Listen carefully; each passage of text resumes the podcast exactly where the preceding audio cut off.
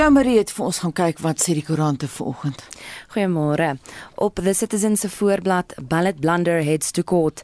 Die politieke party Action SA dreig om die verkiesingskommissie hof toe te sleep nadat sommige partyname glo nie op stembriewe verskyn het nie.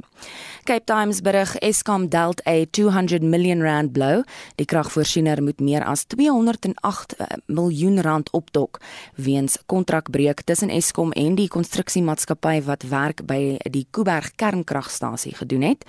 Dan is daar ook nuus in die Cape Times oor die naamsverandering van Hoërskool DF Malan. 'n Groep ouers, gemeenskapslede en oud leerdlinge is gekant teen die naamsverandering. Hulle het nou 'n veldtog begin trots DF Malan. Daily Dispatch in die Oos-Kaap berig oor twee babas wat verlede maand by 'n uh, ongeregistreerde kleuterskool dood is. Two babies may have been overdosed. Lei die opskrif, die babas is glo medikasie gegee wat sonder die ouers se toestemming toegedien is. Beeld se opskrif verpligte inentings is wel laaste opsie vir die regering sê die MRK en dieselfde storie is op die burger se voorblad. En dan gaan sosiale media oor wel sosiale media. Dit nadat Facebook, WhatsApp en Instagram gister vir 'n geruime tyd ontoeganklik was. Die wêreldwye onderbreking het gelei tot verliese vir Facebook van meer as 105 miljard rand en die onderbreking het ongeveer 6 uur geduur. Die gewilde platform is nou weer toeganklik vir gebruikers. En nog 'n groot storie op sosiale media is die Pandora dokumente.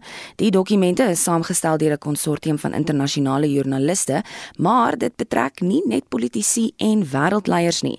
Popsterre word ook by die grootskaalse geldwasery betrek en van die name sluit in Elton John, Ringo Starr en Shakira. En so sê Jo Marie en onthou bly ingeskakel 10 oor 7 vanoggend praat ons met Dr Dwayne Aslet verder daaroor.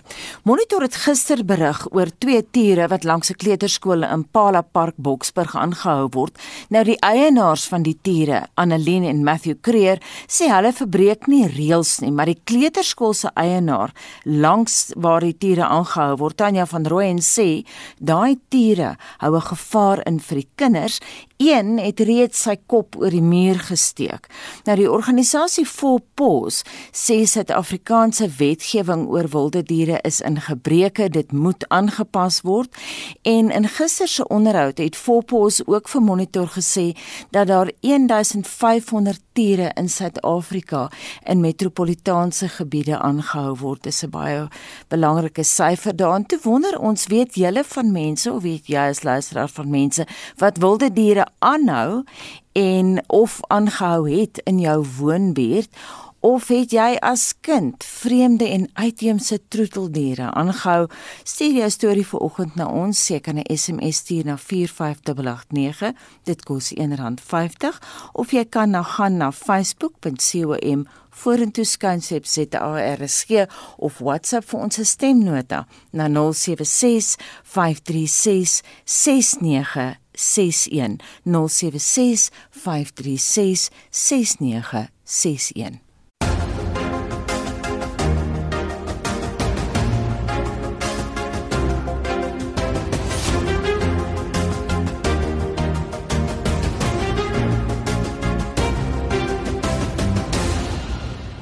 Die adjunkpresident van die ANC, David Mabuza, het die geskil oor kandidaatlyste in wijk 100 in Mamelodi buite Pretoria ontlont. Mabuza het verlede week op 'n besoek aan die gebied met inwoners vergader. Hulle was ontevrede omdat hulle voorkeurkandidaat Sipho Mtsweni op die kantlyn moet sit terwyl Trasia Motlawana benoem is. Inwoners het onder meer gedreig om die plaaslike regeringsverkiesing op 1 November te boikot. Annelien Moses doen verslag. Daar was gewelddadige betogings in ANC beheerde wyke in die Tshwane Metro oor die proses waar volgens kandidate benoem is. Mabuza het gister wijk 100 in Mamelodi besoek. Inwoners was woedend omdat hulle voorkeurkandidaat nie die lys gehaal het nie. Daar was beweringe dat Nsweni strafregtelik vervolg word, maar dit is intussen weer lê. Daar is ooreengekom dat Matlejwane sal bedank as hy verkies word en Nsweni sal oorneem na 'n tussenverkiesing. There is no who's supposed to fight. Please Let us not embarrass ourselves. There is no one who's supposed to fight on my name. I'm happy. I promise the community ukuthi after ama election the other candidate will resign. Mabuza het onderneem om seker te maak dat die besluit wat geneem is wel geïmplementeer sal word.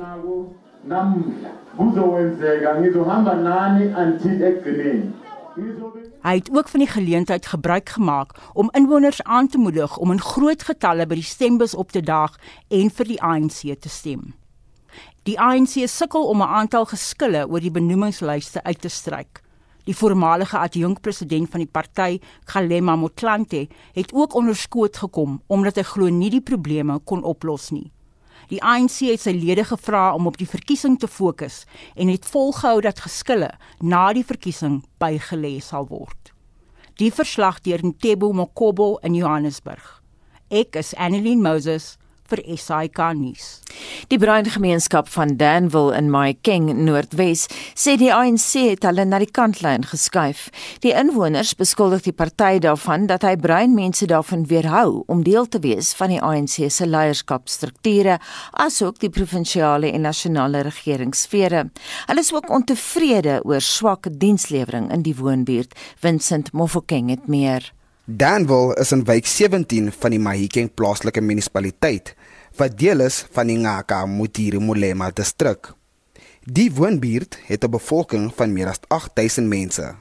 45% van die wijk se inwoners is bruin mense. Hulle sê hulle word oor die hoof gesien. Jacobus Swart is 'n lid van die ANC se tussentydse komitee in die Ngaka Mutiri Molema streek. Die elections raak net moeiliker en moeiliker weens service delivery sodat ons die wy kan terugwen.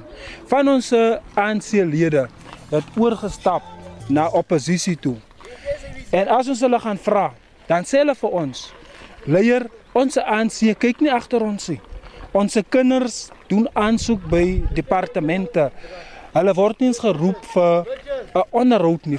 So dis ons verantwoordelikheid as leiers om vir die ANC te sê ons bly ANC-lede, maar ons vra die ANC om ons na ons versoek luister.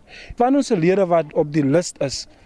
Ek bedoel, how can you say that 5% are represented while the safe spot to get into council are ending at number 9 or 10 but some of our IRC members are number 22 number 25 jy kan nie sê dat ons verteenwoordig is nie al gaan ons na 3 elections toe gaan daai persoon nog steeds ingaan by municipality nie Sommige inwoners is ontevrede oor die swak dienslewering wat hulle van die plaaslike munisipaliteit ontvang.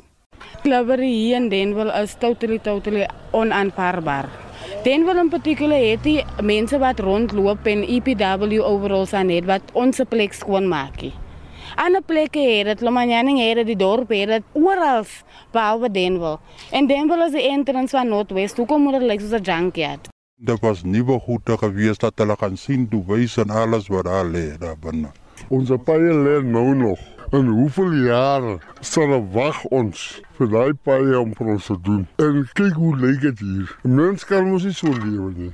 Die woordvoerder van die Mahikeng plaaslike munisipaliteit, Johnny Nkwane, ontken die beweringe dat die munisipaliteit misluk om basiese dienste aan die Danville gemeenskap te lewer. The municipality has introduced an integrated service delivery campaign. That campaign includes pothole patching, litter picking, removal of illegal dumping sites, street light repairs, road marking, and blocking of stormwater drainage system. And I believe, and I strongly believe, that Denville is part of the program. Die woordvoerder van die ANC se tussentydse provinsiale komitee in Noordwes, Kenny Morolong, sê die party diskrimineer nie teen enige rasgroep nie. The ANC is a non-racial, non-sexist democratic liberation movement. We have no intentions of marginalizing other national groups. The ANC respects the role played by all national groups in the struggle against apartheid and in building the African National Congress to be what it is, a mass-based movement for all South Africans. Morolong sê die ANC is bereid om enige foute reg te stel. Die verslag van Kifile Moumakwe in Danville, Akas Vincent Mufokeng vir SAIK nuus. Die DA verwelkom die konstitusionele hof uitspraak wat bevestig dat die besluit om die Tshwane Metro onder administrasie te plaas onwettig was. Die konstitusionele hof het die appel aansoek van die Gautengse LER vir samewerkende regering, Lebogang Maile, van die hand gewys. Maile het appel aangeteken teen die uitspraak van Laarhowe wat bevind het dat die besluit om die metro onder administrasie te plaas onwettig was. Lila Magnus doen verslag.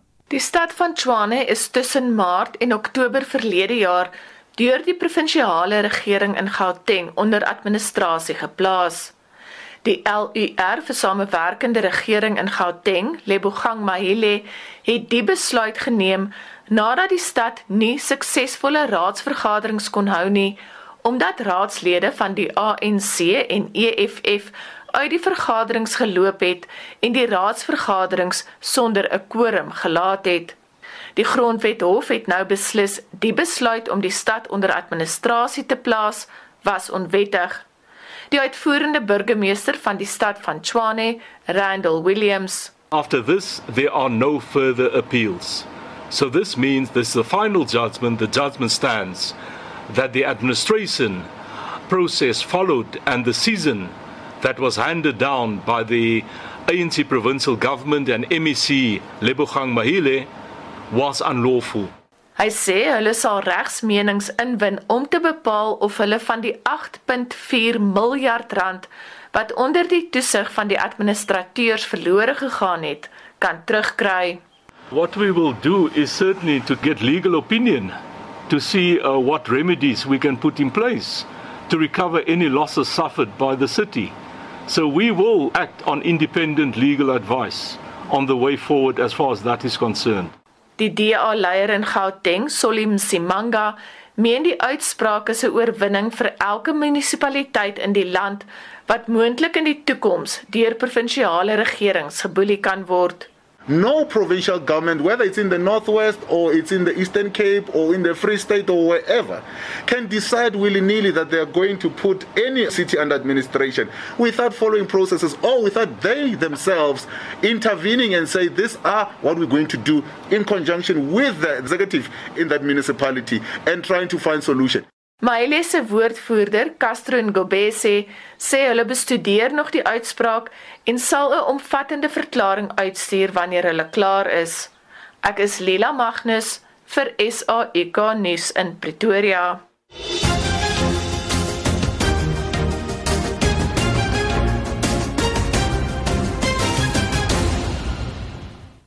Die president het die name gepubliseer van agt benoemings vir die pos van hoofregter.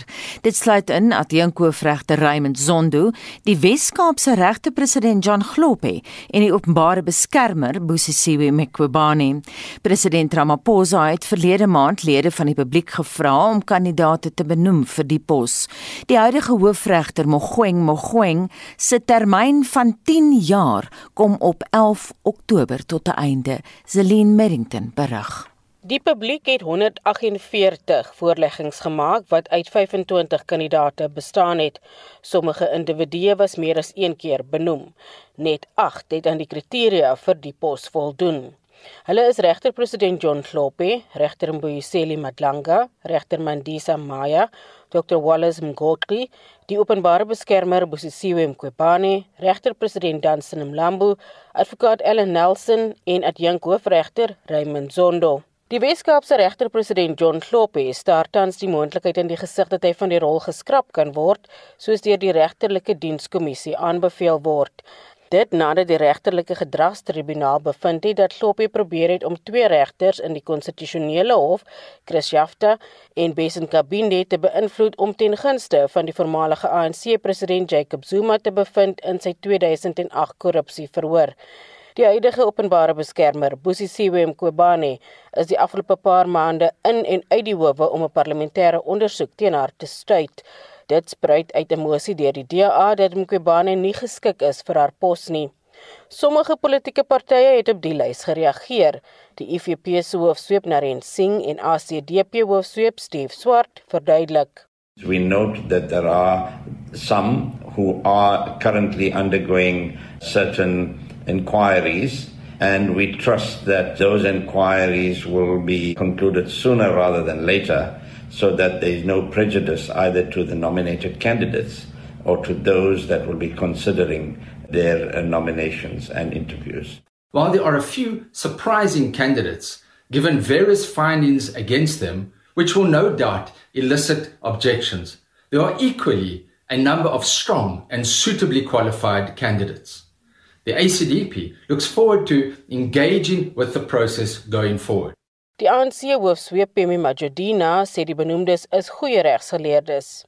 The eight candidates nominated for Chief Justice, they are very dignified South Africans with legal and sound background. Their credentials are very clear.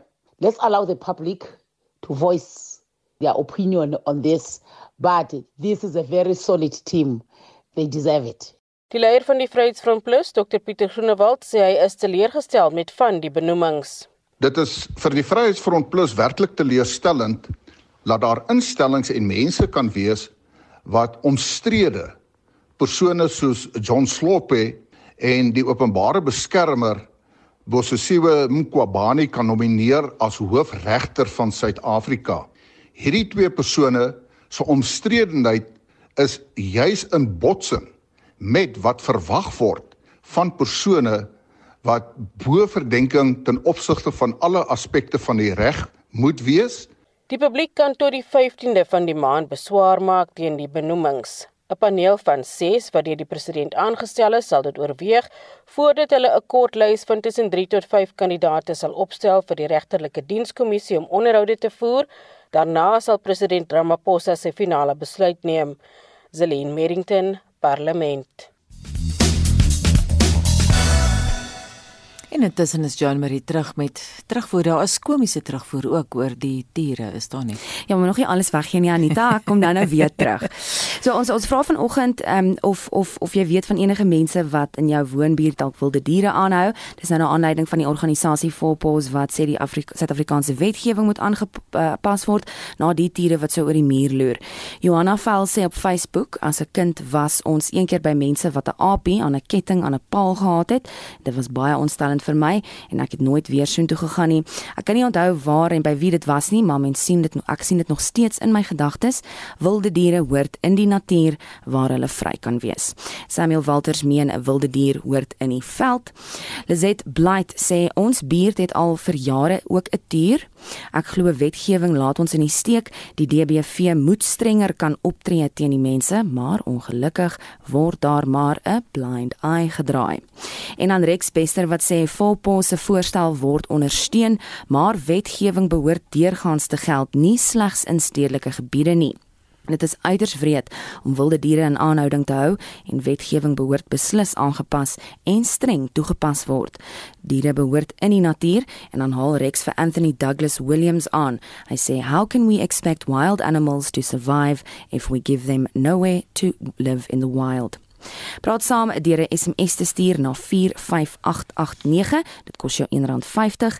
Deel jou mening op ons Facebookblad en jy kan ook 'n WhatsApp stemnota stuur na 076 536 6961. Vandag begin die departement van gesondheid om elektroniese inentingskaarte uit te reik aan almal wat reeds teen COVID-19 ingeënt is. Vir fynere besonderhede praat ons nou met Mia Malan, direkteur van die Bekkie Sisa Sentrum vir Gesondheidsjournalistiek. Môre Mia. Goeiemôre Anita. Hoekom het die regering so lank gesloer hiermee? So ek dink um, 'n um, deel van die rede hoekom dit so lank neem is oor die sekuriteitsmaatreëls wat rondom dit ingestel moet word en dit is redelik kompleks met programme wat geprogrammeer ge, um, moet word. So wat vandag heel moontlik gaan gebeur, ek sê heel moontlik omdat laat gisteraand het ek met die gesondheidsdepartement gepraat, dit hulle klaar hulle ontwikkeling vir nou gedoen, maar toe was die ontwikkelingsserver besig om die um, die sertifikate oor te plaas na hulle produksieserver en wanneer daai proses klaar is, dan sal die sertifikate bekend uh, op beskikbaar gestel word en dit behoort vandag te wees.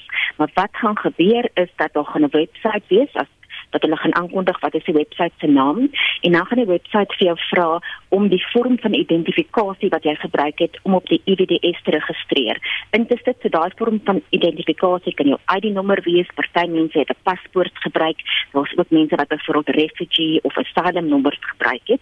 En dan sal wanneer jy dit ingesit het in die webtuiste, dan sal dit vir jou 'n one-time PIN stuur na die selfoonnommer wat jy ook in die IVDS gesit het toe jy nou geregistreer het. En dan as jy daai one time pin het en dit in die webwerf sit, dan sal jy 'n kaart kan aflaai.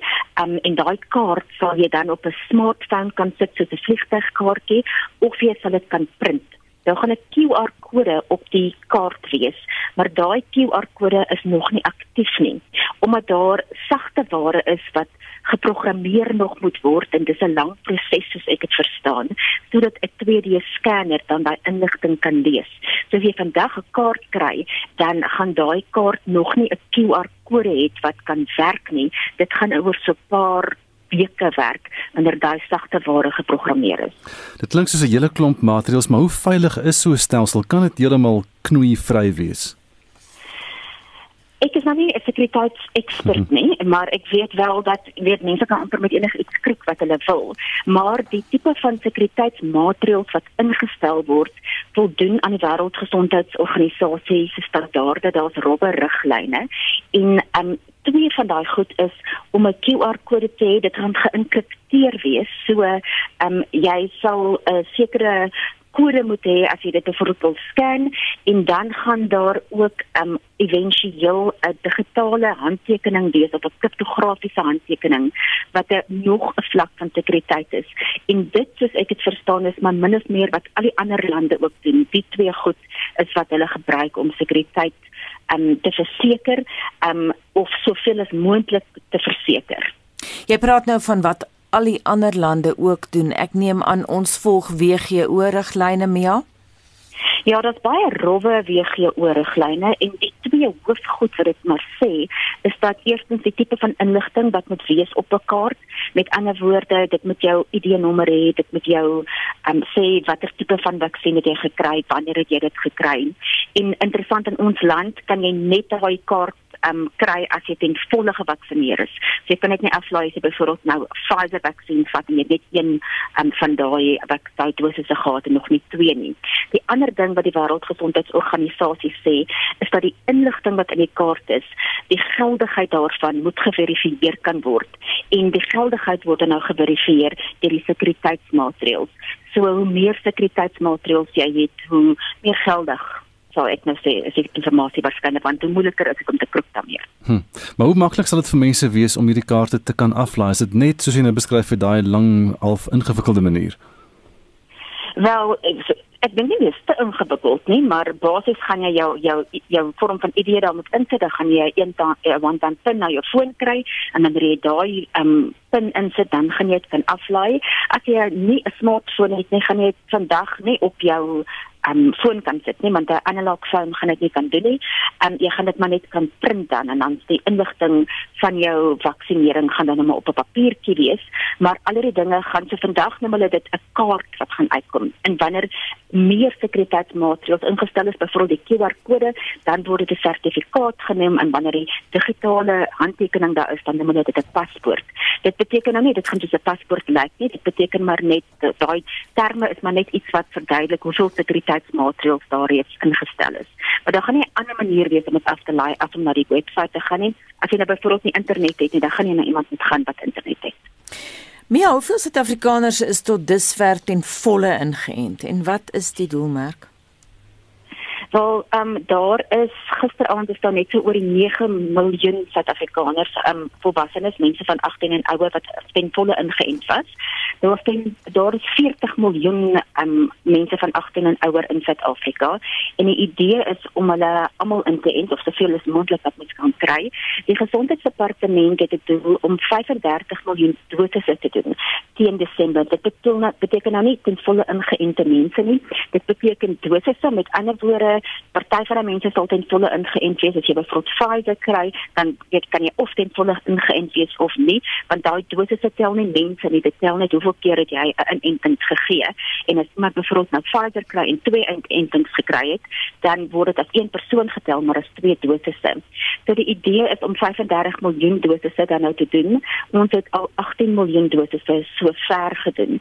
So dit beteken ons moet nog 'n hele paar doen tot Desember as ons kyk na die pas wat ons volg, jy weet die idee was oorspronklik deur die president om 300 1000 dosisse per dag te doen. Ons het gisteraand net hier onder die 200 000 dosisse gedoen. Ehm um, so ons is nou nog nie daar waar ons moet wees nie en een van die grootste probleme nou is nie dat ons nie vaksins het nie, dis dat daar nie genoeg mense opdaag om gevaksinneer te word nie. Mia Malan baie dankie die direkteur van die Bekkie Sisa Sentrum vir Gesondheidsjournalistiek. Die National Union of Metal Workers of South Africa noem sal begin vandag met 'n landwyse staking in die staal- en ingenieursbedrywe en uh, vir meer konteks hieroor praat ons met Chris Harmse van CH Economics. Chris, goeiemôre. Môre Gustaf. Dink jy hulle eis van 'n salarisverhoging van 8% is gegrond gegee die myne se se goeie winste? Gustaf, ehm um, waarskynlik ja. Ehm um, gegee dat hulle het natuurlik in die verlede veral met die ehm um, met die uh, grendels tyd 'n uh, maswaar gekry uh, baie van die myne was op stadiums toe en uh, daar het nie baie groot salarisverhogings uh, vir jaar plaasgevind nie. Uh, dit dit mense nie kan sê dat dit dalk gegrond is, maar dan moet mense ook onthou dat as 'n mens kyk na seker Januarie tot Junie hierdie jaar het die Labour Research Service vir ons aangedui dat uh, die uh, mynbousektor het die grootste mediaan verhoging van 8% in daai 6 maande klaar beding. En die gemiddelde loone het uh, gestyg na 13670 per maand. En ek dink dis hoekom hulle dit om afgebring van 16 na 8%. Hmm. Omdat hulle reeds daarin geslaag om 'n 8% verhoging af te dwing en hulle glo hulle kan dit weer doen. Chris, ek is nou bly jy verwys daarna want ek wil nou weet, dink jy hulle sal bereid wees om nog 'n kompromis te tref? Ek glo so. Uh die ehm um, die die die kamer van mynwese bied so inflasiekoers aan van 4.5%. En loop 8%. Ek het 'n vermoede ons gaan iewers iets tussen die twee kry, soos wat gewoonlik plaasvind in die sogenaamde stakingsseisoen. Ons is gewoond daaraan. Uh dit gebeur elke jaar en die ehm um, uh die werkers begin altyd min of meer met dubbel wat die werkgewer bereid is om te gee. Ja, ek het 'n vermoede ons gaan hier iewers uh op 'n op 'n koers kry wat so tussen die twee gaan wees uh en uh hooplik kan jy gaan die staking nie lank duur nie. Hoeveel beweegruimte het die werkgewers dan? Uh, kan hulle daai 8% toestaan en bekostig? Hulle kan eintlik op hierdie stadium. Ons weet ons het 'n sogenaamde supersiklus gehad. Hmm. Ehm um, in die veral in die goud en in die platinum um, um, metaalgroep uh die laaste jaar wat en wat die die myne het uh uitstekende winste behaal sodanig dat hulle genoeg aan die staat verleen het meer as 100 miljard rand uh, sodat die staat in staat was om hierdie nuwe toelaag van 350 rand uh, te kon finansier uh, sonder om aan belastings uh, te torring ook in die vorige begroting. So uh, die myne het eintlik baie goed gedoen. Die vraag is net gaan hierdie supersiklus voortduur as 'n aanduiding dat hy tot 'n einde gekom het as gevolg van probleme in China. En ons sien dit oor die laaste week of 2 dat die kommoditeitsprys weer begin sterk sterk daal uh hulle sou dit kom bekostig. Die vraag is net gaan hulle nou 'n president skep dat hulle dit jaar vir jaar moet doen uh wat dit moeilik gaan maak. Jy het nou gesê jy dink nie die staking gaan lank duur nie, Chris, en jy het ook gesê jy dink Nomsa sou bereid wees om 'n kompromis te tref. Beteken dit dat hulle nie 'n arbiter sal benodig nie? Anita dalk nie. Uh jy weet die die die die, die vakbonde is bietjie versigtig gegee word die feit van die saak by die werkloosheidskoers in Suid-Afrika is al reeds baie hoog. Uh en dat ehm um, die die die ekonomie in Suid-Afrika alhoewel hierdie jaar beter groei is die vooruitsigte hom nie baie baie goed nie. Ons gaan gereeld in 'n resessie in, so hulle gaan baie versigtig wees om met hierdie staking te lank te duur en ek hoop dit kan gebeur dat ons nie 'n arbiter moet kry nie. Uh maar as ons 'n arbiter moet aanstel dan hoop ek maar net dat uh uh die arbiter wat aangestel word uh, is is iemand wat jy weet uh, redelik het gaan hanteer en dat dit nie noodwendig net van die owerheid kom nie. Behoort president Cyril Ramaphosa in te meng hierso of moet hy hom uithou uit die arbeidsake uit? Gustav ja, hy behoort nie om uit te hou. Uh 'n minister behoort om uit te hou. 'n Minister kan betrokke wees by die aanstel soos Anita sê van 'n arbiter uh waar hy na beide kante van die saak uh, luister en miskien uh jy weet 'n oud regter of uh iemand aanstel uh, uh arbeidskenner. Uh die probleem wat ons in Suid-Afrika het en ek tel dit oral op wat kom wat met studente gesels, wat met die publiek gesels.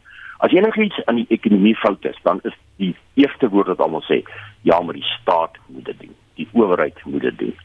En meer en meer die owerheid dit doen, hoe meer groter gaan die inmenging uh, begin plaasvind. En ons sien juis dit nou in China. Die Chinese wat uh, wat nou in die in die in die in die in die in die, in die sogenaamde ehm um, game bedryf wil ingaan in casinos, die gaming, die uh, casinos, die stal uh, oral begin om nou ehm um, regulasies daar te stel uh, is dat die ekonomie begin moeilikheid op. Ja, so my gevoel is net die owerheid nie in manier nie. Ons het die ons het die ons het die um, ons het die maatreëls, ons het die bedinging tussen vakbonde en werkgewers wat daar geskryf is en uh, ek dink hulle moet dit self oplos.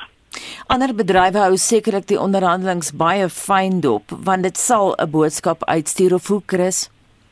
Ja definitief. Ek dink iemand soos byvoorbeeld die konstruksiebedryf hulle het in die eerste 6 maande ook al met 4% mediaan verhoging gekry. Uh en hulle het ook met 'n fyn opbou, ek dink uh met 'n fyn oog dop, ek dink ook natuurlik die die motorbedryf, hulle het 'n fyn fyn oog dop en daar selfs natuurlik wat mense sal sê, hulle kyk ook na uh, byvoorbeeld Eskom. Hulle kyk na daai twee ook dat daar by hulle ook 'n 'n 'n verhoging gaan wees, maar min of meer dieselfde, ook hulle praat ook van 16% aanvanklik en wat hulle nou ook waarskynlik ook op uh, gaan kyk of hulle nie ook 'n uh, sogenaamde dubbel koers van onder 10% en hoër kan kry nie. Ehm um, uh, so hulle hou dit definitief dop in al die bedrywe. So indien die ehm um, die die ehm um, mynlese gaan slaag daarin kan ons maar glo. Dit is ons staakseisoen en dat ons die een na die ander gaan kry uh, wat natuurlik dieselfde paadjie wil volg. Gebeur dit nou meer gereeld uh, in hierdie stadium? Gustav ja, ons kry dit ons kry dit ons kry dit jaarliks. Ons is ons is hmm. ons is gewoond aan hierdie tyd van die jaar. Uh waar waar daar stakings is. Uh, dit is natuurlik nadat die meeste van die maatskappye hulle eerste 6 maande wins bekend gemaak het. Uh gaan ons altyd in hierdie tyd van die jaar in die onderhandelings is word altyd nou daar gesit met gewoonlik natuurlik met die oog op verhogings aan die begin van die nuwe jaar. Um met bonusse en minimumlone uh um, wat natuurlik altyd ook ingestel word. So So dit dit dit gebeur gereeld. Ehm um, ons het uh, oor die laaste 3 tot 4 jaar het ons uh, jaarliks 'n breë front van ehm um, onderhandelings gekry. Dit het nie noodwendig tot altyd tot staking gelei nie. Ons weet ons die ander grootte was natuurlik in die owerheidssektor uh waar die owerheidssektor 'n hofsaak teen die regering gehad het en ook 'n 7% wil afdwing op 'n 3 3 jaar termyn en op die ouente is daar 2% toegestaan. So ons kry dit. Uh en ek dink die owerheidssektor is iemand ook gaan volg. Christa, as Suid-Afrikaners wat glo dat die vakbonde hopeloos te veel mag het, wat dink jy daarvan? Anita ja natuurlik, dit is so, dit is bekend daarvoor dat vakbonde in Suid-Afrika nog 'n baie groot rol speel.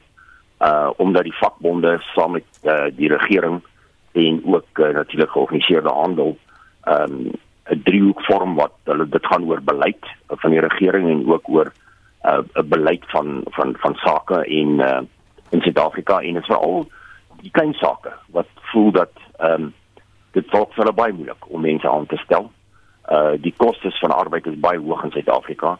Uh dit is baie moeilik om as 'n klein sakeman 'n nuwe besigheid te begin omdat jy aan soveel vereistes moet voldoen onder andere ook dan natuurlik aan lede van van vakbonde. Uh in dit beperk dit definitief beperk in diensname in Suid-Afrika en ek hoop dat in die in die in die in die, in die toekoms daar baie meer gekyk gaan word veral by klein sake en werkskeping waar die rol van die vakbonde baie uh, baie kleiner gaan wees op hierdie stadium beperk dit definitief in diensname. Maar dit gaan nie hier net oor wetgewing wat moet verander nie. Dit gaan oor 'n kultuur en hoe lank vat dit om so 'n kultuur te verander, Chris?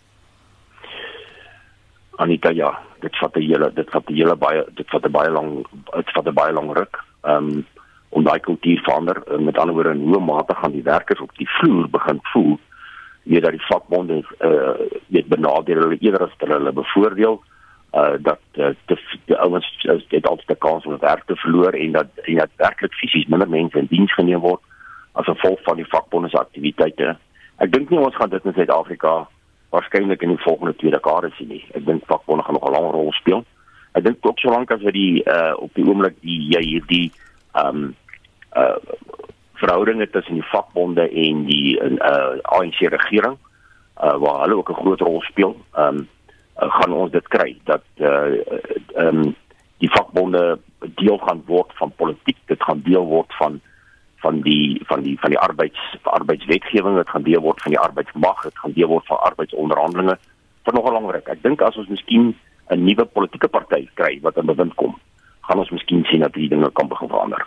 Baie dankie en so sê Chris Harmse van CH Economics. Die Knowledge Trust, 'n beweging wat opvoeding meer toeganklik maak, bied die wêreld se eerste loopbaan expo op die WhatsApp platform aan. Suid-Afrika se bestuurder van die Knowledge Trust, Jared Rison, sê dit gaan om toegang en bekostigbaarheid. When we surveyed our community, 99% of them said that they use WhatsApp. 89% of them purchase WhatsApp specific data, which is a third of the cost of traditional data.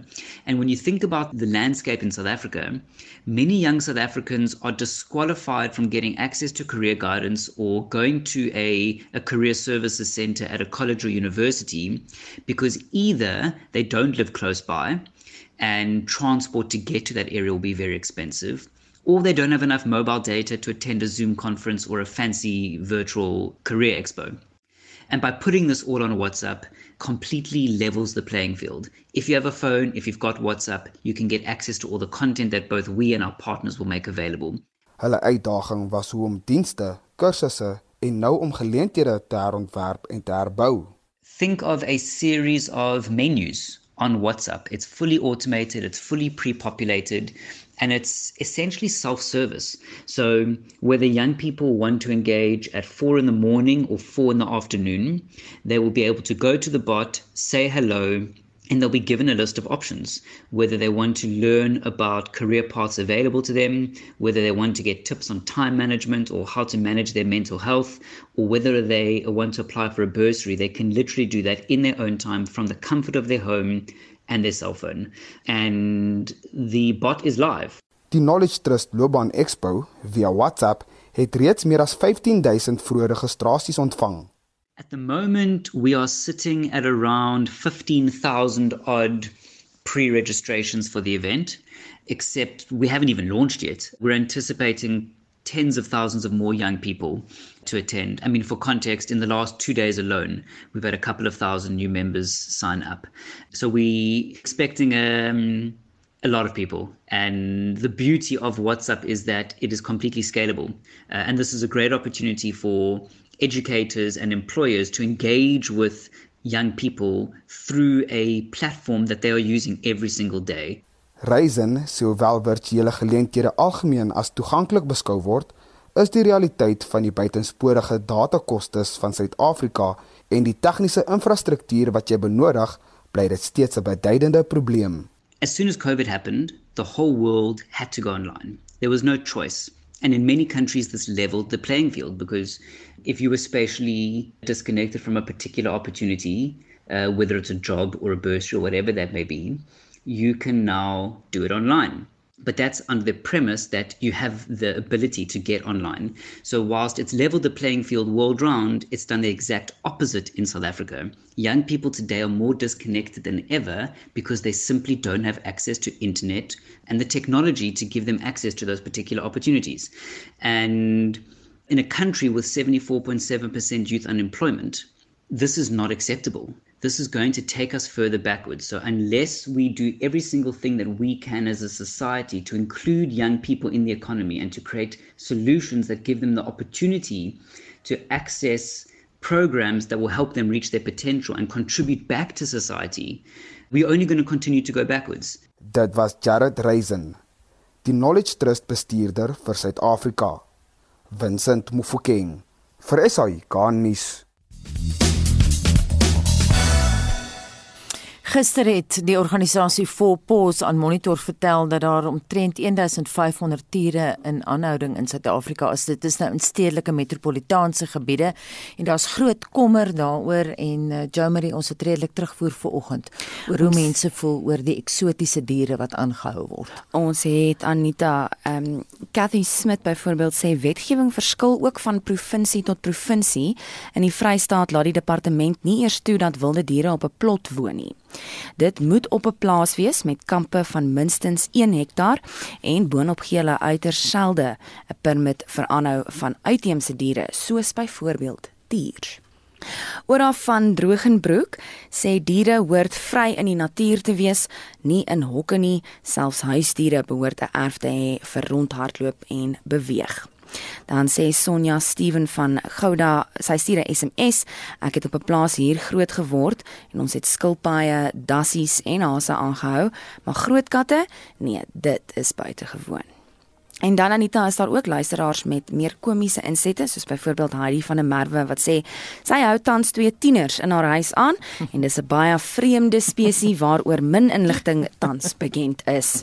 En dan is daar soos Henry 'n hele paar wat sê hulle nie eksotiese diere nie, maar hulle skoonmaas bly by hulle. Praat saam deur 'n SMS te stuur 45889 dit kos jou R1.50. Deel jou mening op Facebook, dis facebook.com vorentoe skynstreep ZARSG of WhatsApp 'n stemnota na 076 536 6961. Intussen bly ingeskakel want na 10 oor 7 praat ons met Dr. Dwayne Aslett. Hy's 'n spesialis in georganiseerde misdaad.